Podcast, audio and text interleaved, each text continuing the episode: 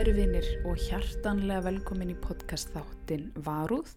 Ég heiti Birta Dögg Bessadóttir og ég mun vera með ykkur í dag. Ég ætla að byrja því að leiðrétta mig uh, í sambandi við síðasta þátt. Þá kann ég greinilega ekki að bera fram nöfn rétt. Ég horfiði á margar heimildamindir og ég hlustaði á podcast en ég náði samt Samt náði ég að fokkusu upp. Það er Ricardo en ég segi allan tíman Ricciardo. Ricciardo en ekki Ricardo. Ég vildi bara koma svo framfæri hérna en um, sko ég er rosalega mikil dellu kettling. Ég fæ eitthvað í hausin, eitthvað flug í hausin og ég bara, ég verð húgt að því. Núna er ég ekki búin að gera annað en horfa á fólk búa til sápur á YouTube og mér langar svo mikið að búa til sápu að það er ekki eins og fyndið. Ég skilit ekki. En ég er líka búin að eða mjög mörgum klukkutímum, mjög mörgum klukkutímum í að horfa á fólk syngja óperu þetta verður búið að breytast í næstu, næstu viku, ég þóra veðja. Þrátt fyrir það sem ég sagði í seinustu viku, þá er aukaefnið sem ég er búin að vera að lofa heil lengi komið á Facebook-grúpuna. Ég ætla ekki að spóila neitt. Ef þið viljið sjá þetta, þá verðið þið að fara á Facebook-grúpuna Varúð og til þess að gefa ykkur pínu hugmyndum hvað er í gangi þá er ég að búið til köku.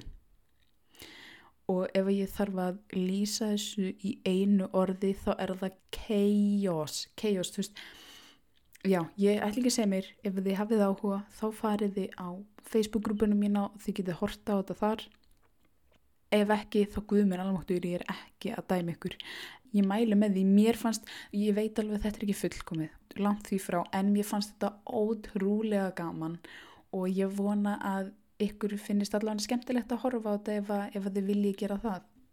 Ef þið horfið á þetta endilega látu mig vita um, hvað ykkur finnst og hvort að þið viljið að ég búi til fleiri svona sveipaða enni en varúð er ekki við hæfi barna Í dag erum við í Woodland Park í Colorado. Það búa rómlega 7500 manns í Woodland Park og ótrúlegt en satt af nafninu að bera þá er mjög mikið af trjám á þessu svæði. Vá, wow, sjokkir. Sagan okkar hefst árið 2008 og þá var Joshua Maddox átján hann ha, átján ára. Honum var líst sem mjög vitrum, klárum og honum gekk mjög vel í skóla. Hann var fyndin, rólegur og skapandi personuleiki. Hann eitti mikið af sínum tíma í að skrifa skáldsögur og spila tónlist. Joshua var einnig mikil útvistamanniska. Hann elskaði náttúruna og þótti gaman að fara í langa gungutúra og fjallgungur. Hann hafði sérstakann og áhugaverðan stíl. Til dæmis þá var hann þekktur fyrir að mæta í skólan með pípuhatt og skjálatösku í staðin fyrir bakboka. Þetta er eitthvað sem ég myndi gera. Hann var með brún augu og skorlitað hár. Hann var yfir 180 cm á hæð og rúmlega 68 kíló þannig að hann var mjög grannur og hávaksinn. Joshua átti tvær eldri sýstur, þær Kate og Ruth og einn eldri bróður hann Zachary. Árið 2006 Þegar Joshua var 16 ára þá framdi bróður hans, Zachary, sjálfsvík. Nú þetta var rosalega erfitt fyrir Joshua. Hann og Zachary hefðu verið mjög nánir og Joshua tók döða hans mjög inn á sig þetta var bara erfitt fyrir alla fjölskylduna sem er bara mjög skiljanlegt. En þann 8. mæ árið 2008 sagði Joshua við Kate, sýstu sína, að hann ætlaði í göngutúr. Það var auðvitað ekkert skrítið, hann var mjög oft í göngutúrum og bara eitthvað út í náttúrunni að klifra eða eitthvað, veist, ekki ég, tengi ekki neitt við þetta. En Joshua skilaði sér aldrei heim aftur og það myndi líða mjög, mjög langur tími áður en að nokkur maður myndi sjá hann aftur. Pappi hans, hann Michael, sagði að hann hefði bara farið í vinnuna og þá hefði Joshua verið heima en þegar Michael kom heim úr vinnunni þá var Joshua farin. Það var ekkert sem að gaf til kynna að hann ætlaði að fara í langan tíma. Fóreldrar hans heldu að hann væri kannski bara hjá vinum sínum. En dagarni liðu og Joshua kom ekki heim. Fóreldrar hans fóruð þá að ræða og tala við vini hans en engin af vinum hans höfðu sé neð heyrt frá honum. Og 13. mæ, fimm dugum eftir að Joshua sást síðast, þá fór fjölskyldan til lauruglunar og tilkynntu hann horfin. Vandamálið var að Joshua var orðin átjan ára gamal og var því lögráða.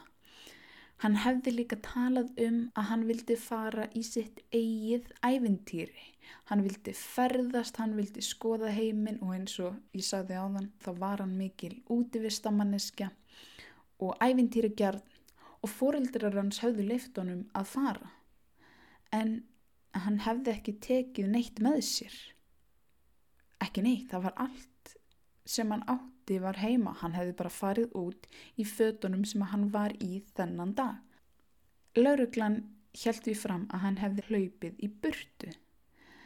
Fjölskyldan var ekki viss með þetta, allavega ekki til að byrja með. Hann hefði mátt fara, fjölskyldan, þú veist, fóreldarar hans hefði leift honum að fara, en Hann hefði ekki sagt neinum að hann væri að fara í lengri tíma en fjölskyldan hefði samt engra annar að kosta völ en að trúa því. Þau gátt ekki útskýrt hvar Joshua var eða af hverju hann hefði ekki komið heim. Samt var leit haldinn, fjölskylda, vinir og laurugla leituðu út um allt. Það voru líka hengt upp plaggut sem að lístu útlitinu hans og að hann væri horfinn en það var sama hversu mikið þau leituðu, það skilaði ekki neinum árangri. Fjölskyldan hans var samt vongóð um það að Joshua væri á lífi eitthvað staðar.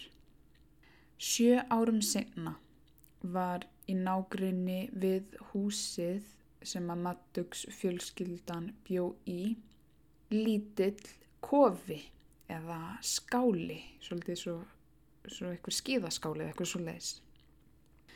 Eigundunir höfðu ekki notað húsnæðið í rúm tíu ár og það var tekinn svo ákverðun að rýfa niður þetta hús. Þau höfðu komið í húsið eða kofan nokkrum sinnum bara rétt svo kýkt inn í það en aldrei í langan tíma. Þau eittu aldrei einhverjum löngum tíma í þessum kofa. Eigendunir tóku eftir mjög vondri lykt sem var í kofanum en heldu bara að það væri dauðarottur eða dýrasaur. Þau höfðu hins vegar mjög ránt fyrir sér.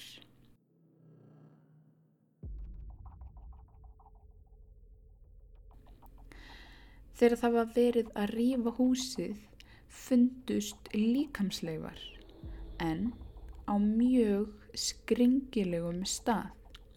Jú, líkamsleifarnar fundust í strómpinum. Þær voru svo gamlar að það þurfti að nota tannskýslur til þess að komast að því hver þetta var. Nú líkamsleifunum var líst sem bæði sem mummified og sem skeletal. Mummified, ég veit ekki hvernig það þýða það en skeletal er bara bein eins og beinagrind. En það kom í ljós að líkamsleifunar tilhyrðu Joshua Maddox. Líkið fannst loðrétt í fórsturstellingu með höfuðið upp og lappinnar niður. Hann var sér sett með lappinnar alveg upp á brjóstkassanum, höfuðið upp að strompin eða þú veist að þakkinu og lappinnar niður að eldstæðinu. Önnur höndinans var fyrir andlitinu. Það skrikna er að hann var bara í svona einhvers konar hita skirtu eða innanundir skirtur. Þetta heitir thermal shirt þannig að einhvers konar undir skirtu eða heita skirtu en annars þá var hann alveg nakin hann var ekki í nærbuksum, hann var ekki í sokkum eða skóm eða neitt. Hann var bara í þessari skirtu nú fötin hans fundust mjög nálagt eldstæðinu inni í skálanum. Það fannst einnig stort og þungt húsgagn sem hafa beint fyrir framann eldstæðið. Eldstæðið þess að það sem þú setur timbrið eða, eða treð eða whatever í og kveikir í og reykurum fer upp strompin. En þetta þunga húsgagn lokaði sér sett fyrir eldstæðið. Eina lýsingin sem ég fann á þessu húsgagni var á Reddit en þar hefði eitthvað copy-pastað þessa lýsingu úr annari grein en ég gæti ekki fundið þessa upprunalegu grein. Þar stóð að húsgagnið hefði verið stórt og þungt, tre bar borð sem að hefði verið revið úr vegnum. Þetta er svona borð sem að þú hefur límt við veggin sem að hefði verið revið úr eldusinu, dreyið úr eldusinu og fyrir framann eldstæðið. En eins og ég sagði þá stóð þetta bara á einum stað. Ég veit ekki hversu trúverðugt þetta er en það sem við vitum er að það var húsgagn fyrir framann eldstæðið. Dánarstjórin Al Bourne held því fram að Joshua hefði óvart fest sig í stróknum við að reyna að smegja sér niður hann eins og ameríski jólasveitnin. Elborn sagði líka að Joshua hefði dáið hægum dauða. Það er ekki vitað alveg hvernig samt.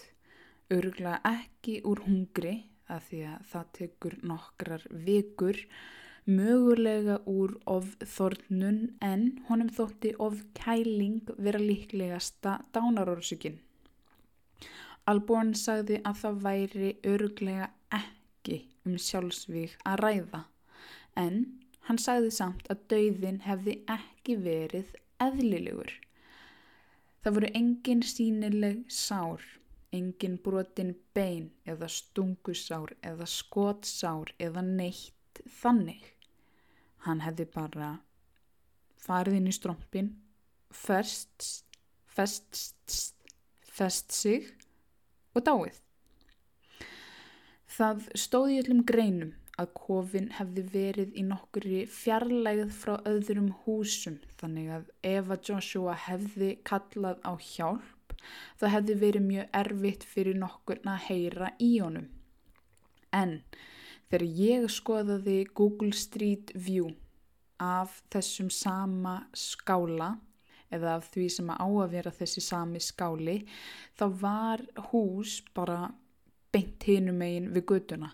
Það var bílastæði ekki mjög langt frá, það varu hús bara, veist, hagra megin við kofan, þannig að ég veit ekki hversu rétt það er.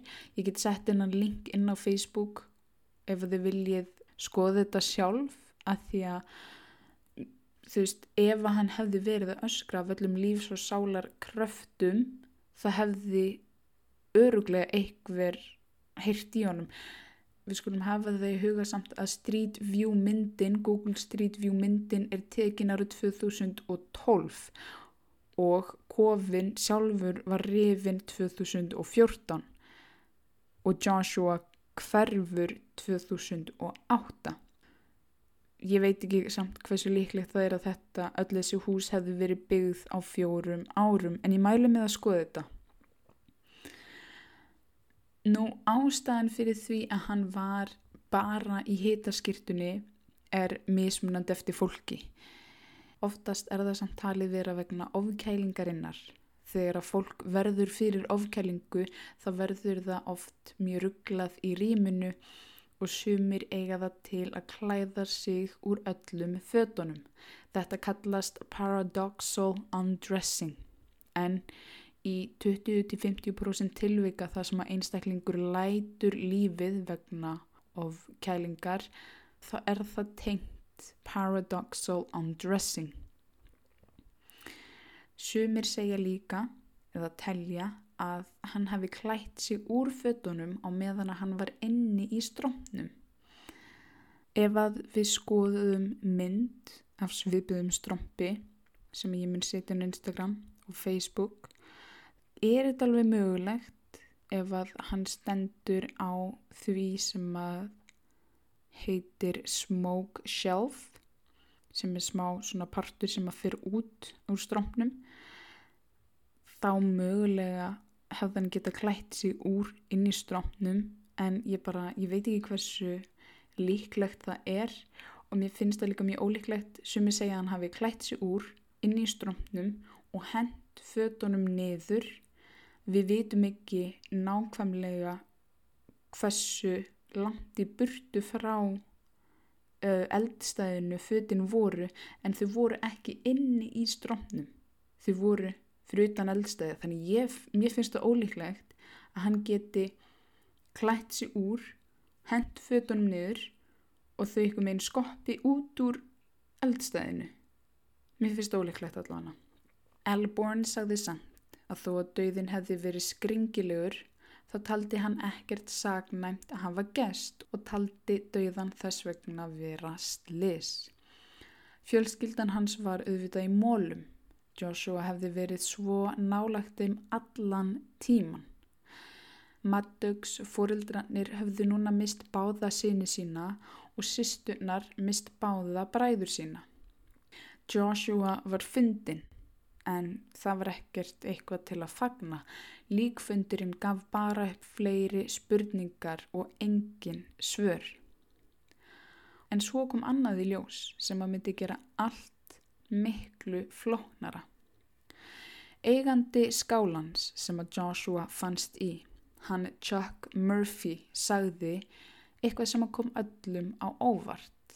Hann sagði að það hefði ekki verið fræðinlegur möguleiki á því að Joshua hefði farið niður strompin. Vegna þess að ofan á strompinum var járngrind eða járnstangir sem kom í veg fyrir að dýr eins og þvottabirnir myndu fara niður strompin. Hins vegar þegar lauruglan kom á svæðið þá var búið að rýfa niður það mikið á strompinum og talið að þessi grind hefði verið hend í ruslið þannig að hún var ekki á svæðinu en það er það ekki skrítið. Það var engin að búast við því að það væri neitt inn í strompinum og það var engin sem að kom að þessu eins og einhverjum glæpavettvang. Chuck náttúrulega bjóð til þennan kofa og setti upp þessa grind sjálfur. Hann sagði að eini möguleikin hefði verið að Joshua hefði klifrað upp. Það hefði ekki verið fræðilegur möguleiki fyrir hann að fara niður strompin þannig að eina leiðin hefði verið inn um eldstæðið og upp. Það kannski útskýrir af hverju fötin voru inni í kofanum þetta er bara skrifnara. En ok, segjum svo svo. Joshua hafði klætt sér úrillum fötunum út af ofkælingunni og náð að klifra upp strompin á eitthvað ótrúlegan hátt en af hverju voru þá húsgögnin fyrir eldstæðinu? Það er líka möguleiki á því að einhver annar hafi sett hann í strompin en lauruglu þjónar sögðu að út af stællingunni sem að hann hefði verið í það hefði þurft tvo einstaklinga til þess að komunum upp strompin. Ég veit ekki sko ég veit ekki hvort það er sem möguleiki á að Joshua hefði geta fært húsgögnin á meðan að hann stóð inni í eldstæðinu. Þetta var þungt þetta var stórt en ef að hann gata af hverju þá? Í hvaða tilgangi hefði hann verið að draga þetta stóra húsgang fyrir eldstæðið? Var hann að fela sig? En fyrir hverjum? Var hann að reyna að sleppa af hverju? Það hefur aldrei neinn verið dæmdur í þessu máli og þetta mál hefur alltaf verið kallað slis. Það voru margir sem að sættu sér við það svar að Joshua hefði dáið hræðinlegum döðdaga af slisförum en fólk eins og ég og þú hlustandi góður sem að finnst þetta ekki nógu fullnægjandi útskýring hafa tekið fram álpappis hattana, sett það á sig og gert og skoðað kenningar. Ég verða viðkynna að ég las mjög mikið af þessu á reddit og ég er ekki að segja, ég er alls ekki að segja að neitt af þessu sé satt. Þetta er óupplýst. Lauruglan, svo framar sem að ég veit skoða þetta ekkert meira. Ég er ekki að reyna að, jú ok, ég er kannski smá að reyna að leysa þetta mál, en það skiptir ekki máli. Við erum bara að skoða kenningar og þetta er bara mjög áhugavert af því þetta er ótrúlega skrítið. Augljósasta kenningin er náttúrulega svo að Joshua sjálfur hefði annarkvort klifrað upp eða niður strompin. Hann var ævintýragjarn og það er ekkert skrítið að hann hefði vilja fara að skoða eitthvað yfirgefin kofa. Þú veist, ég hefði viljað brjótast inn í eitthvað yfirgefin kofa þegar ég var ung. Kanski var kofin læstur og hann hefði klifrað upp á þak og farið niður en þá kemur aftur á móti þessi tvö stóru atriði að fötin hans voru inn í skálanum og Chuck eigandin sagði að hliðið hefði verið fyrir. Hins vegar voru margir sem að skoðuðu myndir af eins jarn hliðum og sögðu að það hefði mjög öðveldlega verið hægt að taka það úr. Ég meina að Hann hefði sett þetta járnhlið í einhverjum 24 árum áður þannig að kannski var það bara orðið lélegt en það hins verið útskýrir ekki af hverju fötina sem voru inni í kofanum nema hann, hann hafi klætt sér úr þeim inni í strompinum og kastað þeim niður finnst það óleiklegt. Ef hann hefði farið inn í kofan, af hverju, af hverju Ég skil ekki af hverju var að þá að reyna að klifra upp einan stromp. Sumir segja að hann hefði kannski viljað klifra upp strompin til gamans. Það ávist ekki að vera svo ósvipað kletta klifri. Ástæðan fyrir því að hann hefði farið úr fötunum var kannski vegna þess að hann vildi ekki krækja sér í eitthvað eða festa sér í eitthvað. En er þá eitthvað betra að klifra upp á tánum? Ég meina hann var ekki skóm Hann var ekki í sokkum, hann var ekki í nærbuksum eða neitt. Hann var algjörlega að bera neðan í engun nema stekkur í heitaskirtu. Ekki myndi ég vilja, þú veist, vera að klifra upp eitthvað drullu skítugan stromp á tannum. Þannig að mér finnst það ótrúlega skrítið. Sem ég segja að vegna þess að hann hafi verið í fórsturstellingunni þá hefði hann nota lappinar til þess að íta sér upp og bakið til svona að styðja sér við þegar hann var að draga lappinur upp aftur og síðan íta sér upp á lappunum, bakið upp á vegnum, lappinur upp, spinna sér upp og svo framviðis og hafi bara festst þannig. Með húsgagnið þá var fólk sem að sagði að mögulega hefði einhver annar komið inn í kofan og fært það fyrir strompin. Já, kannski, en þú veist af hverju? Kannski kom einhver bara og var að reyna að eðalegja eitthvað eða eitthvað. Eða kannski voru síðan dýr að fara niður strömpin og húsgagnin var sett fyrir eldstæðið svo að þau myndi ekki komast inn í kofan en þú veist þá kannski hefðan geta farið niður en af hverju voru fötinans þá inni? Mér já mér finnst þessi kenning að hann hefði farið upp en hann stromp að því að hann langaði að leika sér því að hún fannst eitthvað spennandi eða skemmtilegt mér finnst þetta eitthvað skríti aðalega vegna þess að hann var nakin eða næstum því nakin hefði hann verið í öllum fötunum þá hefði ég bara verið ok, hann var að þú veist klifra eitthvað, skemmta sér ég veit það ekki, ég þú veist hef engan áhuga því að klifra upp eitthvað kletta eða neitt. En að því hann var nakin, nei mér finnst þetta eitthvað skríti önnu kenningi er að hann hefði verið að flýja frá eitthverjum mögulega lendt í vittlisum félagsskap og þessir einstaklingar hafðu kannski klætt hann úr, sett hann í eldstæðið og lokað hann inni og hann hefði ekki dótti neitt annað í hugin að klifra upp, þú veist þetta er þungt húsgagn, kannski hefði hann ekki geta ítt í frá.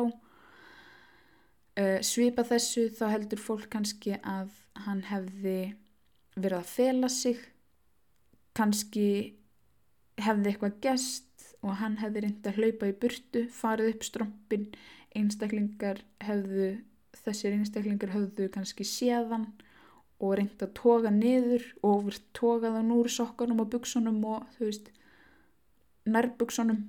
En ég veit það ekki. En þú veist af hverju þá? Og hver? Það stóð ekki stum að hann hefði átt eitthvað óvinni eða, eða að einhver hefði vilja að gera hann um eitthvað megin en þó að lauruglan hafi aldrei kent neinn við þetta mál þá hefur eitt nafn komið upp mjög oft í þessu máli. Í einni umræðu á Reddit, Reddit aftur, þá var verið að tala um fólk sem að þekkti morðingja eða fjöldamorðingja og hvernig þessa fréttir hefði haft áhrif á þau. Þar kom maður fram og sagði frá strák sem hefði verið í sama skóla og hann sem að hétt Andy. Þessi tiltekni maður hefði aldrei þekkt Andy eitthvað personulega en hann vissi að þeir Joshua hefðu orðið góðir vinir rétt áður en að hann kvarf. Andy hefði talað um að þeir hefðu ætlað saman til nýju Mexiko. Joshua fór hins vegar aldrei til nýju Mexiko en Andy gerði það. Í grein sem kom út árið 2009 ári eftir að Joshua hverfur þá segir að Andy hefði myrt mann með því að stinga hann í magan á meðan að herbyggisfélagi hans var í styrtu. Þegar herbyggisfélagin kom tilbaka var Andy horfinn. Endi játaði líka að hafa myrt konu og sett hana í tunnu í Taos í Nýju Mexiko. Það var lík af konu fundið í Taos í Nýju Mexiko en lauruglan hefði verið með mann í haldi fyrir það um orð þannig að Endi var ekki viðriðin það. Ef við snóum okkur aftur að þessum reddit þræði þá segir maðurinn að hann á samt nokkrum öðrum krökkum hafi reynd að tala við laurugluna og segja henni frá því að Joshua hefði verið með Andy bara stuttu áður en að Andy fór að stinga mann og annan. Fólk ringdi líka inn og sagði að Andy hefði verið að monta sig við eitthvað fólk fyrir að hafa, en að gæsa lappa, sett Josh í hólu. Lauruglan hlustaði samt ekki á þetta og það var aldrei neitt meira úr því. Endi hefur aldrei verið löglega tengdur málinu þannig að ég selet ekki mikið dýrar en ég kefti það.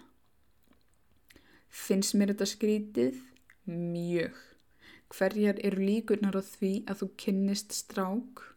Sem að fer síðan nokkru mánuðum í segna á eitthvað rampage að stinga þú veist fólk. Segist hafa myrt ykkur konu sett henni í tunnu seg, þú veist, segist hafa sett Josh í hólu hins vegar eins og ég sagði veit ekki hvernig komst henni í strompin fólk segir að það hefði þurft tvo menn tvo fullvaksna menn eða konur eða hán eða kynsegin eða whatever til þess að koma Josh inn í strompin. Andy, veist, hann var bara eitthvað átjónur og gaur. Hvernig ætti hann að hafa komið Josh inn í strompin? Og já þetta er eiginlega bara allt sem er um þetta mál.